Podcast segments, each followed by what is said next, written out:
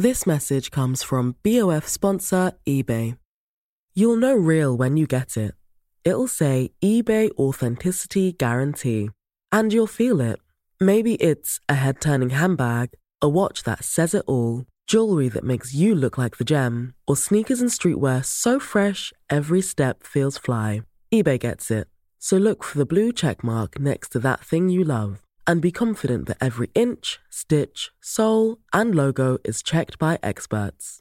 With eBay Authenticity Guarantee, you can trust that feeling of real is always in reach. Ensure your next purchase is the real deal. Visit eBay.com for terms. Botox Cosmetic, out of botulinum toxin A, FDA approved for over 20 years. So, talk to your specialist to see if Botox Cosmetic is right for you. For full prescribing information, including boxed warning, visit BotoxCosmetic.com or call 877-351-0300. Remember to ask for Botox Cosmetic by name. To see for yourself and learn more, visit BotoxCosmetic.com. That's BotoxCosmetic.com.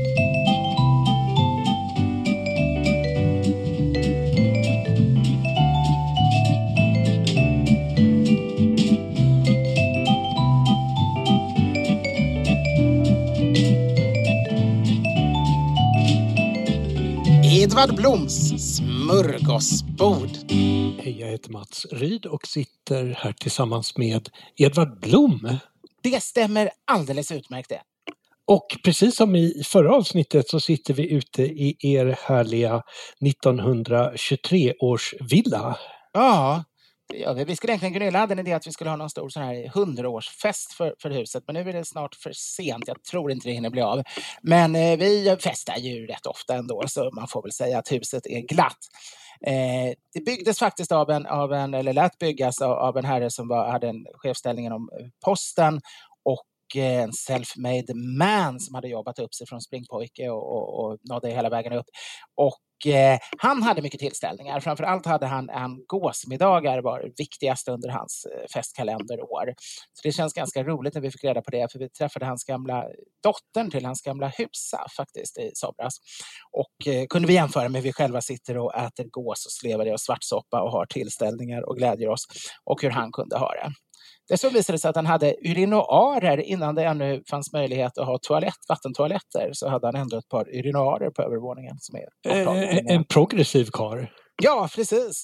Ja. Jag eh, eh, stoppade in en eh, liten kylvara i ert kylskåp här och såg att det står väldigt mycket grädde och väldigt mycket ansjovis i, i köket. Det, det, det kan man ju tänka sig att vad förväntar man sig se när man öppnar Edvard Bloms kyl? Jag, jag tycker ändå att, att, att eh, innehållet passade med, med ditt offentliga varumärke. Det är ju bra, det är ingen bluff liksom, utan här kan det alltid smällas ihop en Jansson. Ja, men det var ju flera paket grädde och flera paket eh, ansjovis. Flera Jansson. Flera Janssons. Bra. Eller en leverpastej eller vad man nu önskar. Det innehåller ju också grädde och ansjovis. Ja, förra avsnittet här så fick vi äntligen, eller jag fick äntligen av eh, Goffängs dubbelblandning och eh, du fick återuppliva eh, ungdomssynder. Ja, det, det, det var roligt faktiskt att få. Eh, den var mer udda än jag liksom mindes den från ungdomen. Men det var inte så konstigt för det var liksom den första snaps jag hällde i mig. är inte så mycket referenser. Nej, precis. Det är det. Vad, vad, vad händer i livet? Vad har du gjort sedan vi, vi hördes av sist höll jag på att säga. Men det, Ja, jo men igår var faktiskt jag och Gunilla eh, och gick på Coco och Carmen på Östermalm. Det är ju sedan ett par år eh, eh, Punk Royal-gänget som tagit över och kör sådana här avsmakningsmenyer till, till hiskligt låga priser kan man säga. Fem, 500 kronor kostar lunchen och då får man ett antal små, väldigt intressanta, ganska experimentella men otroligt goda smårätter som kommer det ena efter det andra, bara, bara väller fram.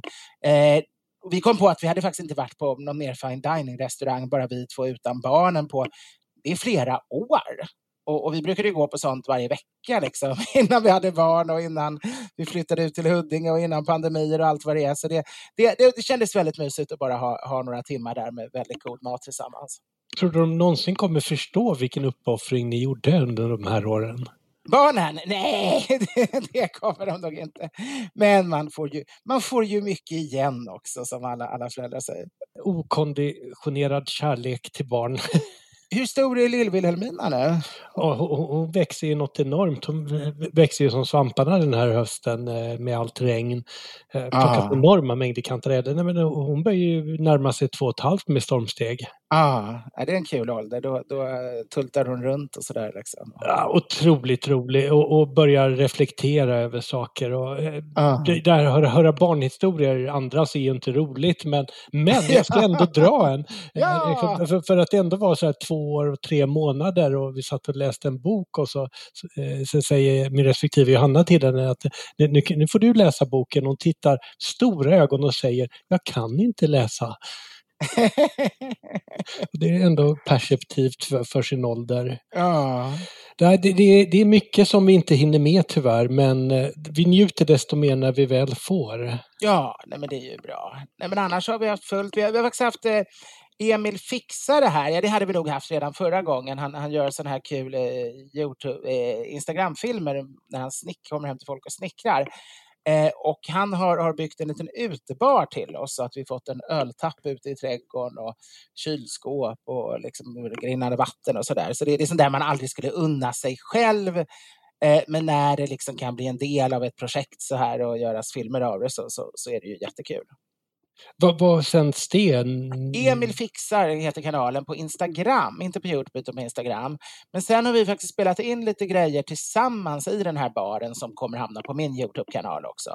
Men de, alla när han bygger och sådär är hans Instagram-kanal, Emil Fixar. Kan man få se Edvards utebar? Ja, precis. Men vi har någonting i glasen också, dels lite pilsner. Ja. Och vad har vi mer? Vi har, eh, jag har hällt upp till dig, jag har faktiskt inte hällt upp till mig själv ännu, det ska jag göra. Eh, en, någonting som heter Vodka Dimas Ukrainian Three Grain. Eh, det är alltså ukrainsk vodka. Det har ju blivit nu väldigt många som redan talade om i förra avsnittet eh, försöker ju liksom stödja Ukraina på det lilla sätt de kan genom att beställa ukrainska drycker. Själva Systembolaget har inte tagit in någonting på hyllorna, men som tur var finns det massa mer, mer eh, tjänande importörer som lagt upp det som ordervaror. Så det finns nu, jag tror det finns sex viner. Det finns både rosé, rött och, och vitt. Det finns ett par sorters öl. Man får dock köpa antingen en hel platta tror jag, av den ena eller sex av den ena. Men, men å andra sidan, vem dricker, köper mindre än sex öl? Och det finns en tre, fyra olika sorters vodkor tror jag. Och den här Dimas eh, är väl, eh, ja, den är rekommenderad både för att dricka som den är klassiskt till, till liksom gurkor och liknande, men också rekommenderad att, att blanda cocktails på. Så vi kan, vi kan ju pröva den. Skål! Ja, vi, vi har ju fått en Mm. lyssnarfråga om eh, ukrainsk mat och matkultur och med Ja. tanke på det rådande läget så känner vi båda att det är ingenting som vi bara vill haspla ur oss. Mm. Eh, så att vi, vi behöver lite mer tid för att kunna svara på den ingående. Den kommer vi, den kommer vi, ja vi kommer ha ett program när vi försöker liksom ha lite mer tema ukrainsk mat och dryck. Så det, Ja, det får den Mattias Svensson som skrev frågan svar på eh, i kommande program. Exakt. Men den här vodkan, jag måste säga att ehm, den är otroligt len, ehm, Mm. men den har även en ehm, viss f- fruktighet från... ehm, den är gjord på flera olika sorters grödor. Mm. Och den, den smakar ju mycket vodka. Alltså den är inte så där så att den smakar rivig finkel och bränner sönder den.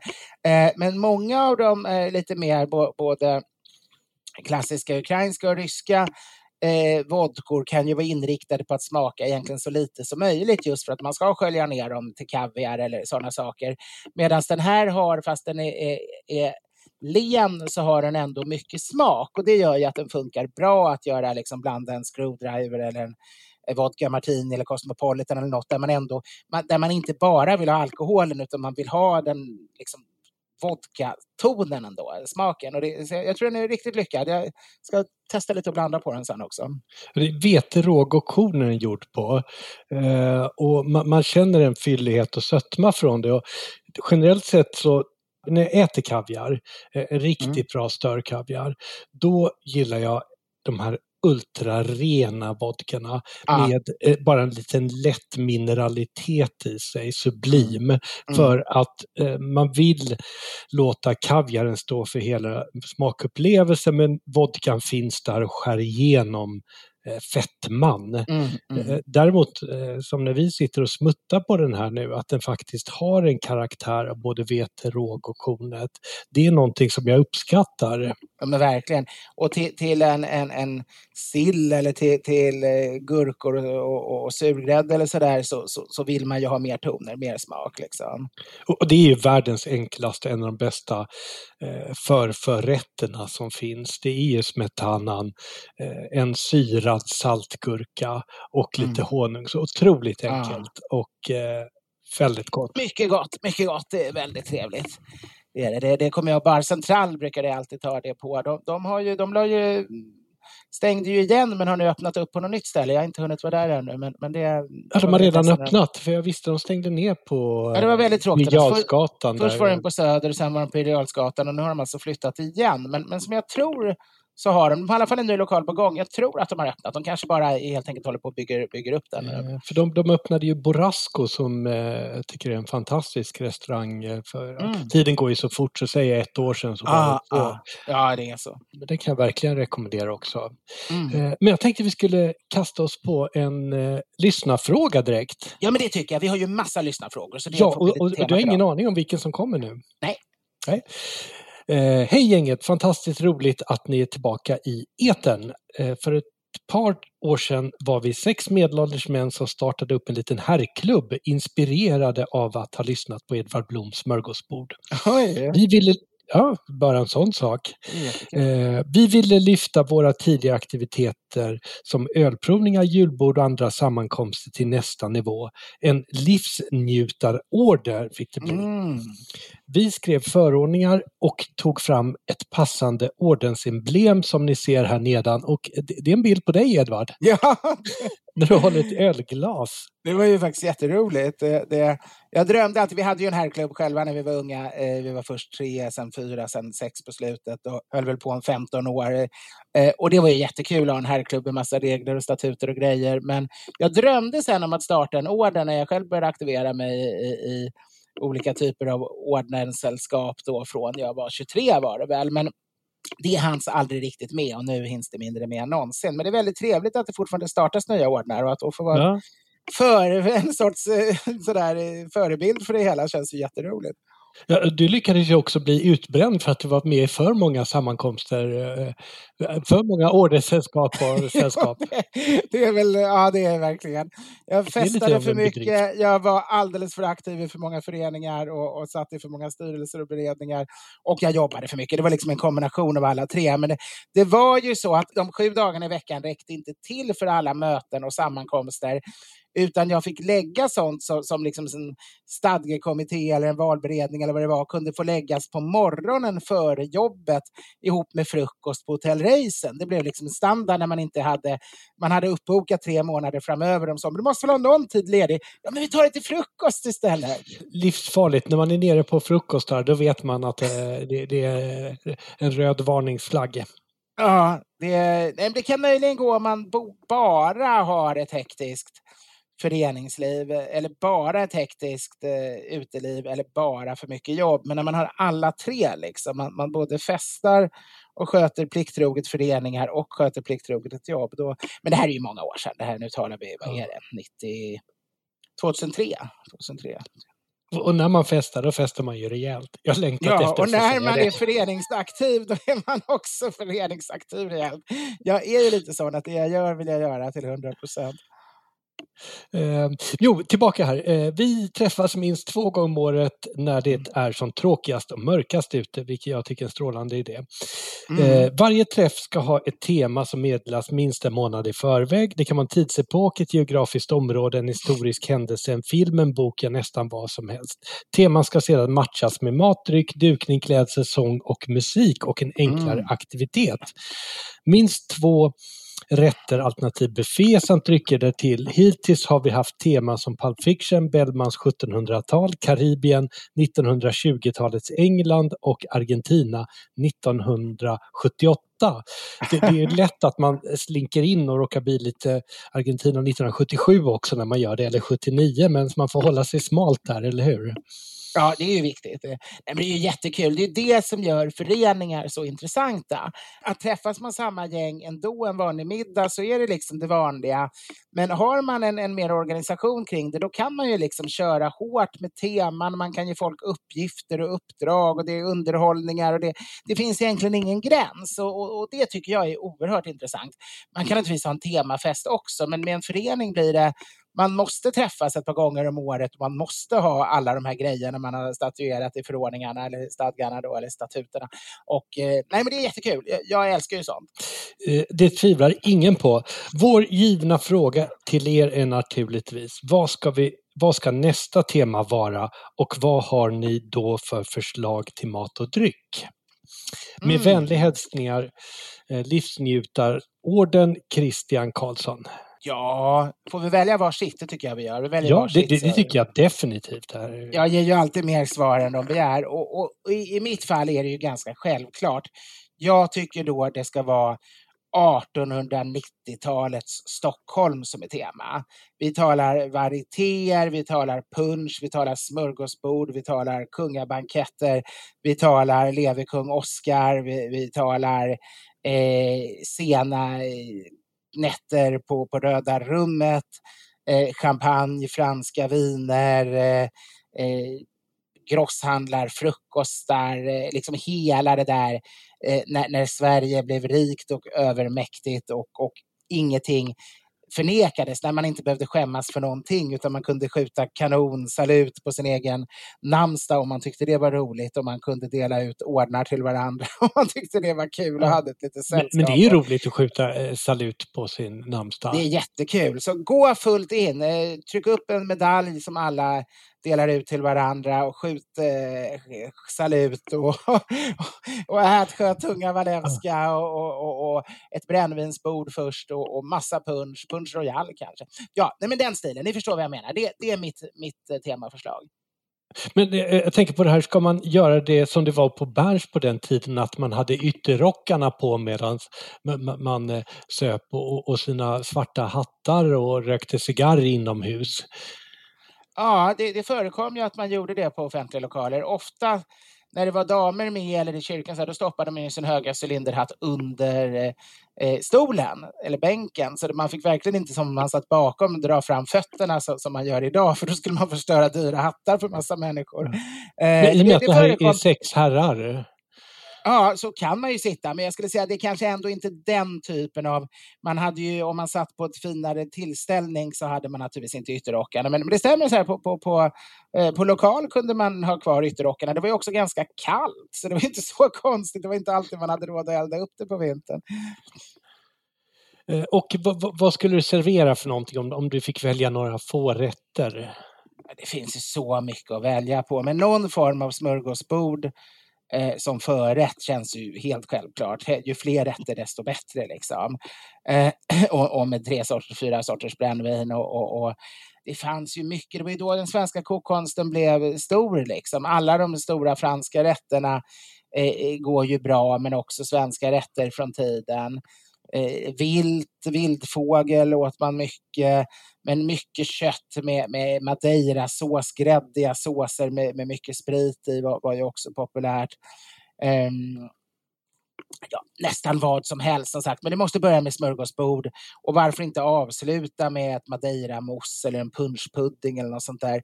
Hummer kan gärna få ingå, kött av olika slag. Moserviner, Bourgogne, Bordeaux. Absolut, renskt, eh, men, då ska det vara eh, Rheingau. Eh, champagne. Det är, ju, det är ju franskt och tyskt egentligen vad det gäller vinmässigheten. Och, och porter eh, när det gäller öl var, var, ju stort. Men även naturligtvis tysk lager från 1843 som min farmors morfars morbror bryggade, började brygga.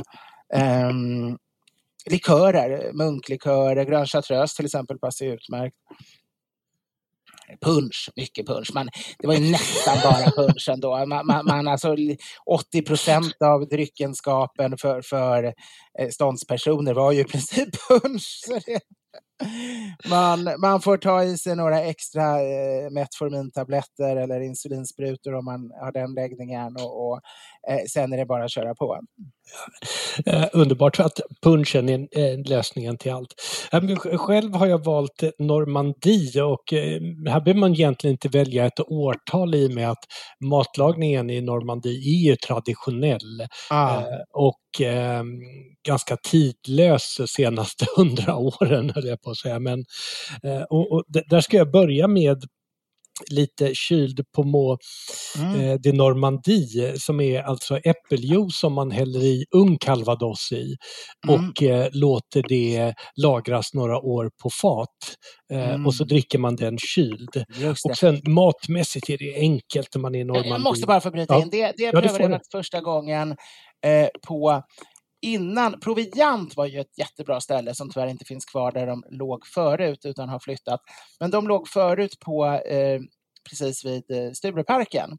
Just det. Och innan Proviant kom dit så, så fanns det ett ställe som hette eh, Bjurholm som också var väldigt bra. Men det här måste varit, det här var precis när Bjurholms hade upphört och Proviant hade börjat. Det var första gången jag var på Proviant. Sen blev det stammisar när vi bodde på Allalavägen. Jag var där med min dåvarande chef Alexander Huseby och där efter maten, så, så om någon anledning, jag var lite, jag vet inte varför, jag tror att jag tyckte det var lite för starkt med en calvados och vi diskuterade vad jag ville ha för något. Och då kom de med Pomos, så hade de så här fyra, fem sorter jag fick prova av, så det blev ju mycket mer alkohol ändå, för jag skulle testa alla de här. Och jag kommer ihåg att det var väldigt intressant, det var en sån här väldigt lustupplevelse, för jag hade aldrig druckit det tidigare. Sen har jag druckit det flera gånger efteråt, men det, det, det är ett så här vackert minne, det var bara det jag ville flika. Head over to Hulu this March, where our new shows and movies will keep you streaming all month long. Catch the award-winning movie Poor Things, starring Emma Stone, Mark Ruffalo, and Willem Dafoe. Check out the new documentary, Freaknik, The Wildest Party Never Told, about the iconic Atlanta Street Party. And don't miss FX's Shogun, a reimagining of the epic tale, starring Anna Sawai. So, what are you waiting for? Go stream something new on Hulu. Too tired to clean your floors after playtime? Forgot to vacuum before your friends bring their little ones over? Let Eufy X10 Pro Omni help. Powerful 8000 PA suction removes debris, and MopMaster dual mop pads scrub away stubborn stains with ease. Save time and keep your floors cleaner. Want to know more? Go to eufy.com, that's EUFY.com, and discover X10 Pro Omni, the best in class all in one robot vacuum for only $799. Botox Cosmetic, out of botulinum toxin A, FDA approved for over 20 years. So, talk to your specialist to see if Botox Cosmetic is right for you. For full prescribing information, including boxed warning, visit BotoxCosmetic.com or call 877-351-0300. Remember to ask for Botox Cosmetic by name. To see for yourself and learn more, visit BotoxCosmetic.com. That's BotoxCosmetic.com. Ja, den här Pomonde Normandie, den finns ju i flera olika varianter i Frankrike mm. och eh, ofta så tar man eh, druvjuice eh, i till exempel i konjaksområdet så tar man druvjuice eh, och som inte har fått jäsa och så tillsätter man eh, eh eau de vie och så lagrar man det på flaska och så heter det Pinot de Charente. Och mm. Eh, det är, tycker jag, fantastiskt gott och det har hamnat helt i skymundan i Sverige. Och det där ja. är en liten, här är en liten shout-out om det är någon krögare mm. som lyssnar så tycker jag att det förtjänar sin plats på menyn och på avsmakningsmenyer. Eh, otroligt mm. gott, man kan alltid antingen dricka det kylt som aperitif eller så kan man ha det som ett eh, dessertvin. Och eh, mm Eh, beroende på vilken temperatur man serverar det så fungerar det till allt från eh, fruktdesserter till lite kraftigare tillagade anrättningar som en eh, äppelpaj. Ja, vad trevligt. Men jo, tillbaka till menyn här.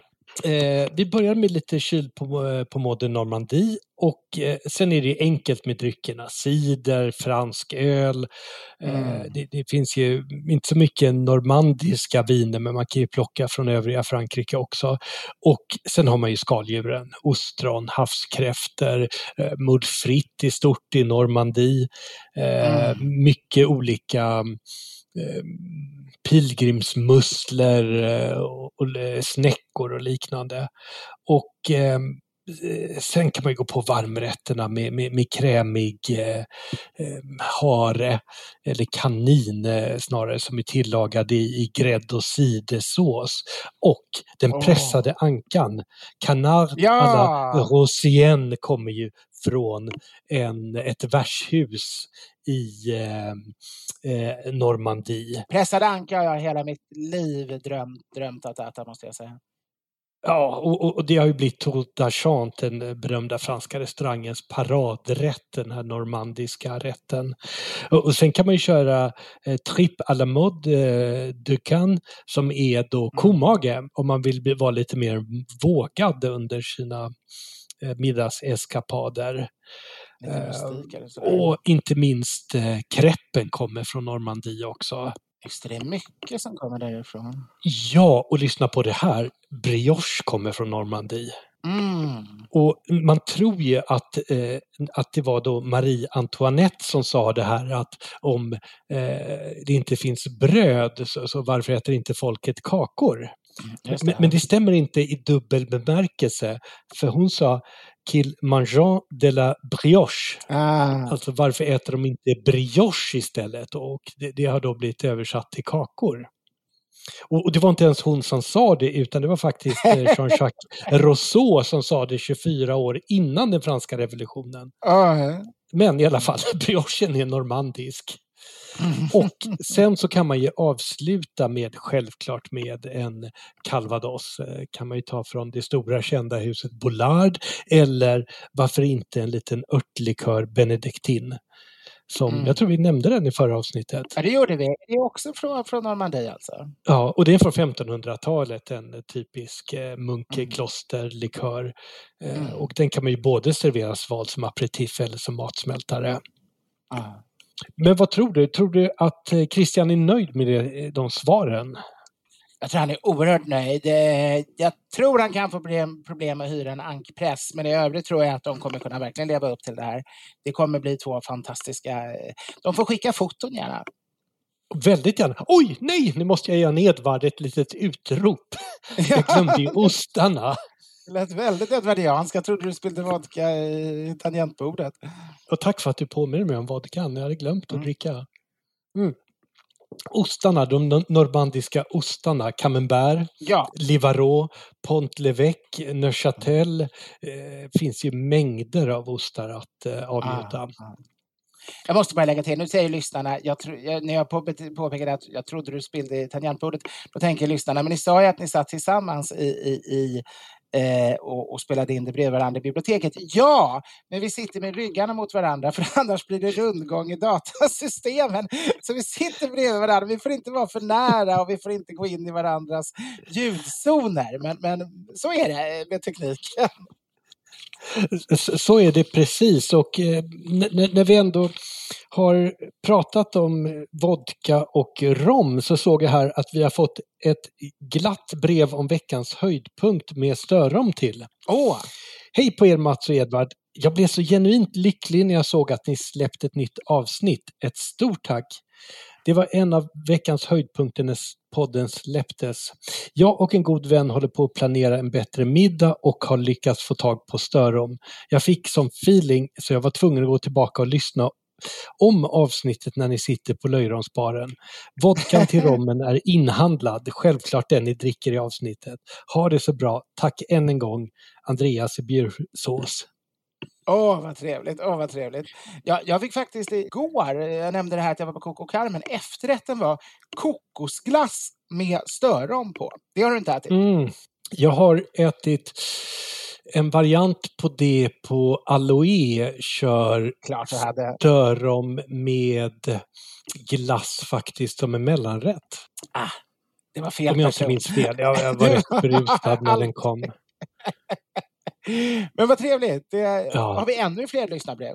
Ja, jag, tänkte göra en snygg övergång här. För Ja, att, förlåt, förlåt. Ja. n- eh, för, för att det, eh, han refererar till avsnittet när vi sitter på Löjromsbaren. Och minns du att vi åt alldeles för mycket då och blev Ja, alldeles för vi berusade? åt.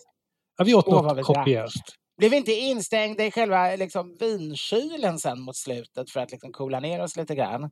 Ja, och, jag, jag, hade ju sagt till eh, mm. personalen innan vår ankomst att, att det var lite oroligt att vi inte skulle bli mätta när vi skulle göra ett löjromsavsnitt. Så att de hade ju, eh, vi fick ju en hel krabba med fyllt skal och vi fick en gigantisk älggryta och eh, sen stängde de in oss i vinkylen med eh, eh kopiösa mängder ostar. Just det, så var det. Ja, det var vackra, vackra minnen. Och, och, vi blev så höga på matupplevelser så vi gick ju direkt till djuret och fortsatte med eh, Nixel Holstein. Just det, det var helt sjukt. Ja. Uh, och, och sen när du åt schnitzel Holstein, jag tror bara jag drack och sen skulle väl jag vidare... Nej, du åt också. Jag åt ju också schnitzel Holstein. Och sen skulle jag väl vidare äta middag med Martin på Operabaren tror jag. Efter. Ja, ex exakt. det är helt sjukt. Eh, och där nu, nu ska jag bara bläddra lite grann här eh, och eh, vi kanske måste klippa här för jag ska hitta en lyssnarfråga. Ja, här har vi den. Då har vi fått från Christer Cornison. Jag har säkert uttalat det här fel. Eh, och han har skrivit Hej! Tack för ännu ett avsnitt av er podd. Jag har klurat lite på de mest förstörda maträtterna genom tiderna, exempelvis kallfilé Oscar. Kanske ni kan utveckla det med exempelvis topp top fem förstörda maträtter. Tack för en underbar och som Edvard gärna uttrycker sig, intressant podd med vänliga hälsningar, Christer. Jo, och anledningen till den här övergången var när jag började fundera på misslyckade rätter för att eh, kallfilé Oscar är ju någonstans, eh, vad ska man säga, eh, att den är lite för mycket, även om jag kanske inte skulle vilja kalla den för misslyckad. Det, det, det är kalvfilé, hummer, eh, choronsås alternativt bearnaisesås, sparris och tryffel. Man har kört etta, kryss, tvåa och, och då kommer jag att tänka på, eh, vad säger, på wienerschnitzeln Holstein som i grundutföranden har i princip allt man kan tänka sig på sig. Mm. Just det. Men då har vi tolkat, för jag har också läst den här lyssnarfrågan, då har vi tolkat dem olika. Jag trodde han menar kallfilé Oscar är liksom en fantastisk rätt från början, men den misshandlas på våra restauranger och blir helt andra saker. Så jag har letat ihop fem grejer där jag tycker liksom att en underbar rätt blir missförstörd. Intressant, men, men, men då tycker jag att vi eh, gör en fri tolkning av den här frågan och eh, låter dig fortsätta. För, för jag gjorde en topp fem, men då blir det ju något helt annat. För jag gick just på sånt som jag tycker, för jag tycker ju en riktig kallfilé Oscar är något av det bästa som finns, men att man får den aldrig med kallfilé och man får den aldrig med riktig sparris, man får den aldrig med riktig bearnaise och därför blir det, eller därför blir den inte bra. Men, så, så jag gick utifrån det och då har jag på min femlista som längst ner på listan har jag jordgubbar med vispgrädde som är en sån där rätt som jag tycker är väldigt god om man gör den väldigt enkel, man bara vispar grädde. Men som folk gör på laktosfri grädde eller på ädelvisp eller på eh, 30% grädde eller på kolsyregrädde och, och, då smakar det ju fruktansvärt. Det finns ju inget äckligare i världen än kolsyregrädde. Det, det är verkligen oätbart. Att det finns som produkt är, är liksom en total skam borde vara brottsligt. Ja, ja det borde vara brottsligt. Eh, ja, men fortsätt du här med, med, med dina tankar. För att det, det, det, kan likväl vara så att du har tolkat den här frågan helt rätt. För att eh, en perfekt tillagad eh, kalvfilé Oscar, eh, det, det är ingenting man behöver skämmas för. Nej, det är ju, det är ju något av det godaste som finns. Alltså, en riktig kalvfilé alltså, det har jag ju redan nämnt. Den. Men eh, som nummer fyra har jag coq au vin, eh, vinkokt tupp, som är otroligt gott om, om man då sjuder det här mörka, sega, viltliknande köttet länge, länge i rödvin. Men som nästan alla gör idag på kyckling. Och kyckling i rödvin är inte alls gott. Kyckling ska skjutas i vitt vin om man ska skjuta det i någonting. Eh, som trean ja, vi, har jag... Vi, vi, vi, går tillbaka till den här för att eh, Cocovanen där, hela mm. syftet med den är ju att ha ett ganska segt kött med mycket kollagen som man kokar mört och ja. då får, får, en smak från, från eh, tuppköttet. Med, med, medan kyckling är precis. otroligt eh, smaklöst, i alla fall om man ser på våra svenska kommersiella raser. Så kyckling eh, kokt i röven, det, det, blir överkokt och det blir en konstig smakblandning också. Det, det, rödvinet blir, blir liksom inget gott ihop med det. Och det, nej, det är helt galet, det är helt galet verkligen. Det är som om man skulle börja göra bœuf bourgogne på, på oxfilé istället. Liksom. Det är helt fel. Ja.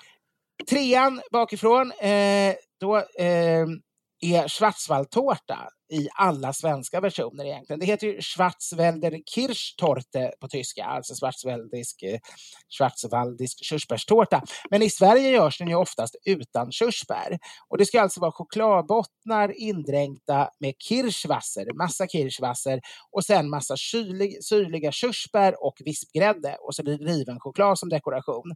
Och den svenska versionen är det bara grädden man har behållit. Istället har man nötbottnar, man har eh, grädde då och så har man eh, choklad med låg, eh, låg chokladhalt. Och det, det, är ju, jag minns min barndom som där när man var på sådär eh, mottagningar hos någon god vän till mormor eller något. Och, alltså en svensk schwarzwaldtårta var ju inte god, men, men originalet är ju fantastiskt. Ja, jag, jag, jag kan bara hålla med. Och ju, ju, mer du pratar desto mer inser jag att du har tolkat den här frågan betydligt mer korrekt än vad jag har gjort. Sånt kan hända. Det är väl roligt om jag lyckas med det en gång. Det brukar alltid vara du som är, är ordningsmannen och den som har har, har koll på saker medan jag, jag bara eh, tar med några glas i podden och börjar dra gamla studentanekdoter. Ja, du är eh, alldeles för ödmjuk här. Eh, det är den ukrainska vodkan som ja. talar. Nummer två är Wallenbergare. Det är ju klassikern. Alltså det ska ju bara vara en emulsion av grädde, äggula, kallfärs. Eh, möjligen lite eh, innanmäte från ett franskt bröd och lite kryddor. Eh, men den kan man ju få i alla de mest konstiga former. Och det sämsta jag fått det var en grönpepparbiff. Det var någon form av blandfärs på fläsk och nöt. Det var inte en matsked grädde. Det var grönpeppar och buljongpulver.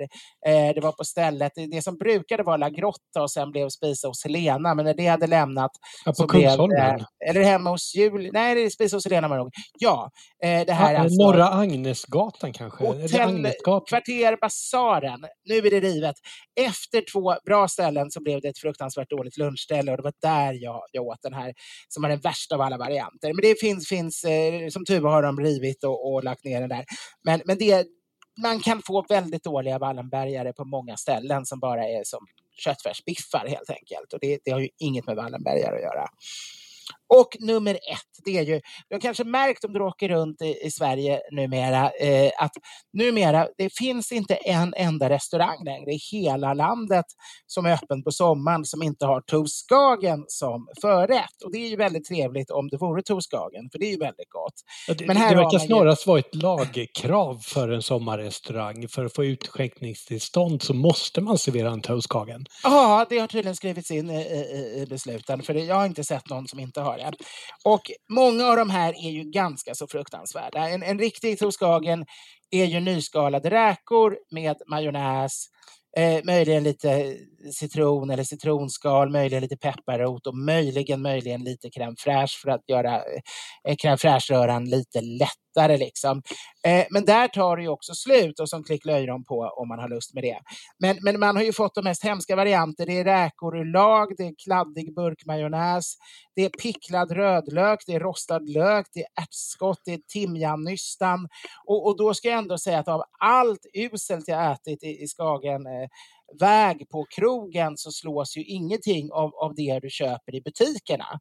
En vanlig Konsum kan ha tre skagenröror och ingen består av räkor med majonnäs utan det är snarare sådana här konstiga, liksom det, det är någon sunkemulsion av, av konstiga palmoljor eller vad fan det är.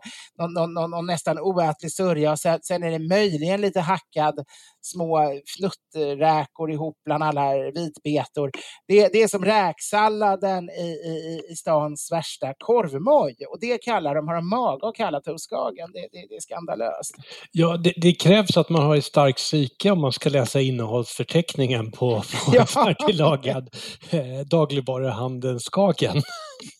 Ja, det, där man kommer till att, att uh, det borde finnas någon form av ändå namnskydd på klassiska rätter. Att man inte får, får man kan ju inte säga att det är oxfilé och sen kommer man in med, med korn eller, eller flugsvamp. Men, men, man får uppenbart kalla det Wallenberg eller Toskagen fast det inte innehåller en enda ingrediens som ska vara med. Är det första gången vi får in flugsvamp i podden? Ja, det är det nog faktiskt. Skål för det! Mm. Mm. Slava Ukraina. Eh, men jag tycker att vi, vi nöjer oss vid ditt svar där eftersom du eh, troligtvis eh, har, har tolkat den här frågan rätt. Mm. Det hade varit eh. intressant att veta vad du hade för rätter som du tyckte var liksom så här extremt överdrivet eh, drivna. Liksom. Ja, jag, jag, jag har haft väldigt svårt för den här okay, eh, med, med den tolkningen i med att jag har en kärlek för det mesta. Men eh, ja. jag kan nämna en på listan i alla fall. Ja. Kebabpizzan har jag aldrig förstått. Nej. Är det den när man bakar in en kebab? Nej, utan man, man, har det här fruktansvärda kommersiella kebabköttet ja, ah, eh, på en pizza med, medan då en tysk döner kebab kan vara gudomlig och, ja, en, eh, och, och, en napolitansk pizza kan vara himmelriket. Och jag, jag, har ju en guilty pleasure i att jag gillar den svenska sunkpizzan också vid sina mm. tillfällen.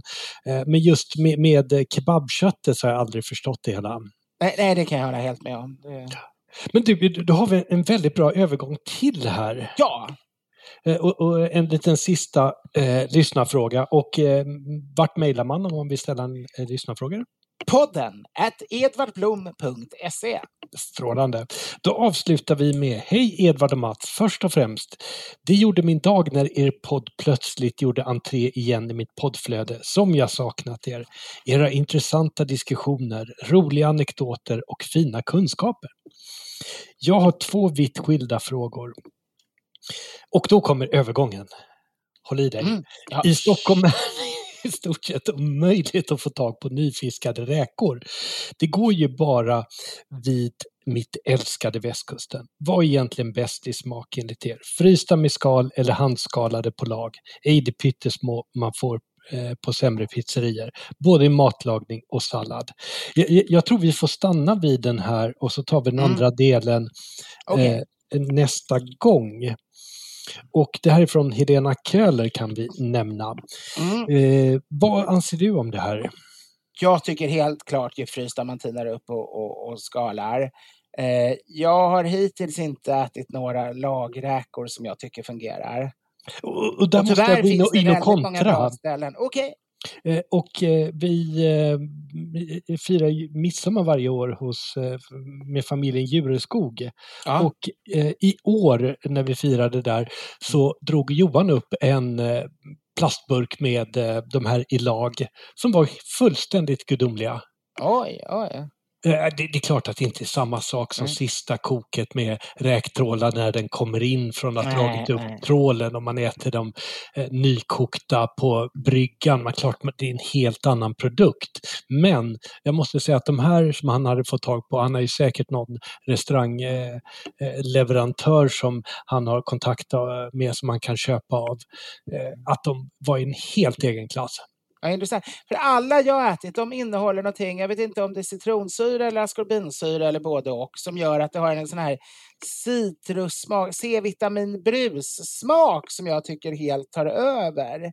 Även om man sen blandar en skagen eller gör en räkmacka så sitter liksom den där eh, C-vitaminbrus-smaken liksom i, i det hela. Och jag det förstår, jag och, och eh, konsistensen brukar ju oftast vara fruktansvärd. Ja, på, på eh, de sämre är den ju helt ja. lösa och oätliga. Men jag tänkte även de bättre kan jag tycka ja. smaken är, är... Men för att konsistensen är som det här ögongojset som man kan få ibland i, i ögonvrån. eh, men det är också, frysta är ju problemet att eh, jag, tycker ju att räkor härsknar rätt fort i frysen. Ah, ah. Och jag har säkert nämnt det här tidigare att jag aldrig äter rökta räkor för de har blivit fiskade och så har de inte kunnat säljas, så har de fryst och så har de tinats och så har de rökts och så har de fryst och så har de tinats oftast. Ah, ah, ah, just det. det, det och är man eh, krass när man äter såna räkta räkor så är det en styggelse. Ah. Eh, men, med, frysta annars, om de inte legat för länge så tycker jag att man ändå kan eh, få till en, en mer autentisk upplevelse. Mm, mm. Jo, det håller jag med om. Men man ska alltså se till att köpa dem och äta dem omgående, inte, inte låta dem och kolla på sista förbruknings... Vara långt ifrån sista förbrukningsdatum när, när man köper ja. dem. Och ska man köpa många och få skalfördelar. Ah. Jag var tvungen när vi har dragit igång podden. Nu, nu dröjer det fem avsnitt innan jag får dra Göteborgsfisk igen. Eh, Vi, vi, vi, hade en lunchrestaurang i, i, i Ulvsunda som tyvärr inte finns kvar när jag jobbade på Centrum för näringslivshistoria. Och där hade de olika dagens, de hade en veckomatsedel så det var liksom tre varianter varje dag måndag, tisdag, onsdag, fredag. Men det tråkiga var att de hade stängt på måndagar. De hade kvar den gamla veckomatsedeln. Och eh, det som fanns på måndagar kunde man bara se, men man kunde aldrig beställa dem. Och där fanns det med friterade små råkor. Och det tyckte jag var så otroligt häftigt att få liksom flera råkor som är friterade små eh, råkungar. Ja, men det är ett problem det här med färska räkor i Stockholm. Jag förstår inte eh, varför det är. Eh, sen så får man göra så att man pratar med sin fiskhandlare. Jag vet vi gjorde en fotografering där vi skulle ha mängder med räkor. Och ah. då, då, pratade jag med Melanders och frågade när, vilken dag har ni de färskaste räkorna? Mm. Och eh, då, då, var det, det kommer jag inte ihåg om det var torsdagen eller fredagen det kom in. Och mm. då när de fick in det på morgonen så var vi där och hämtade direkt och åkte till fotostudion just för att få de här eh, livfulla ögonen, få färgen, krispet som är så mm. viktigt i, mm. i, i, bilder. Och ah. de måste jag säga var riktigt bra. Men eh, jag vet, det jag håller till på somrarna, eh, någon vecka eller några dagar varje år uppe i Havstensund, där kommer ju räkbåtarna in på, oftast på torsdagen, ibland på onsdagen. Och det, det finns ingen i hela området där som ska komma på tanken att äta räkor en lördag. Nej, nej de livfulla ögonen. Det låter som det är din käresta du beskriver. Jag ser räkorna du tänker hugga tänderna men, men hur kan man inte få förälskelse i en nykokt räka? Mm. uh, enormt stort tack för att ni lyssnat. Vi kanske ska dra igång vår Patreon. Vad tror du om det? Det vore väl väldigt trevligt. Och sen tänkte jag också innan vi avslutar, Edvard, så ska vi göra lite reklam. Ja, för vadå? Vad vill du göra reklam för? Ska vi göra reklam för lite Ja, men det kan vi göra. Glas? Jag gör gärna reklam för, ja men varför inte? Jag har väl två produkter som gärna folk får, får ägna sig lite mer eh, åt eh, om de har någonting kvar ner, längst ner på börsen. Eh, det ena är min glasserie, går att köpa via Amazon eller eh, Serveras eh, hemsida eller sådär med, med ölglas, eh, shotsglas och eh, tastingglas kan man säga. De, vi har sagt whiskyglas också, men de passar egentligen till det mesta man eh, häller i och vill lukta och smaka på. Och det andra är eh, mina ölprovningar. För företag gör jag ju ölprovningar digitalt, så då kan man koppla upp sig från olika avdelningar runt om i landet och så har jag sju eh, olika ölsorter som jag berättar väldigt mycket kulturhistoriskt om och kör dialog och smakar och provar. Och på slutet brukar alla vara väldigt glada och lite mer kunniga kanske. Eh, köp Edvards produkter så att han har råd med livfulla räkor. Med... Ja, precis.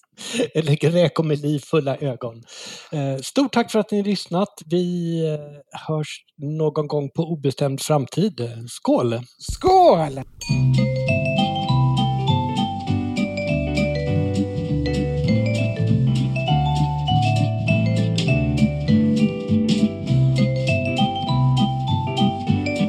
Producent var Henrik Insulander på Tonic Produktion AB. Edvard Bloms smörgåsbord. This message comes from BOF sponsor eBay. You'll know real when you get it. It'll say eBay Authenticity Guarantee. And you'll feel it. Maybe it's a head turning handbag, a watch that says it all jewelry that makes you look like the gem, or sneakers and streetwear so fresh every step feels fly. eBay gets it. So look for the blue check mark next to that thing you love and be confident that every inch, stitch, sole, and logo is checked by experts. With eBay Authenticity Guarantee, you can trust that feeling of real is always in reach. Ensure your next purchase is the real deal. Visit eBay.com for terms. Botox Cosmetic, out of botulinum toxin A, FDA approved for over 20 years. So, talk to your specialist to see if Botox Cosmetic is right for you. For full prescribing information, including boxed warning, visit BotoxCosmetic.com or call 877-351-0300. Remember to ask for Botox Cosmetic by name. To see for yourself and learn more, visit BotoxCosmetic.com. That's BotoxCosmetic.com.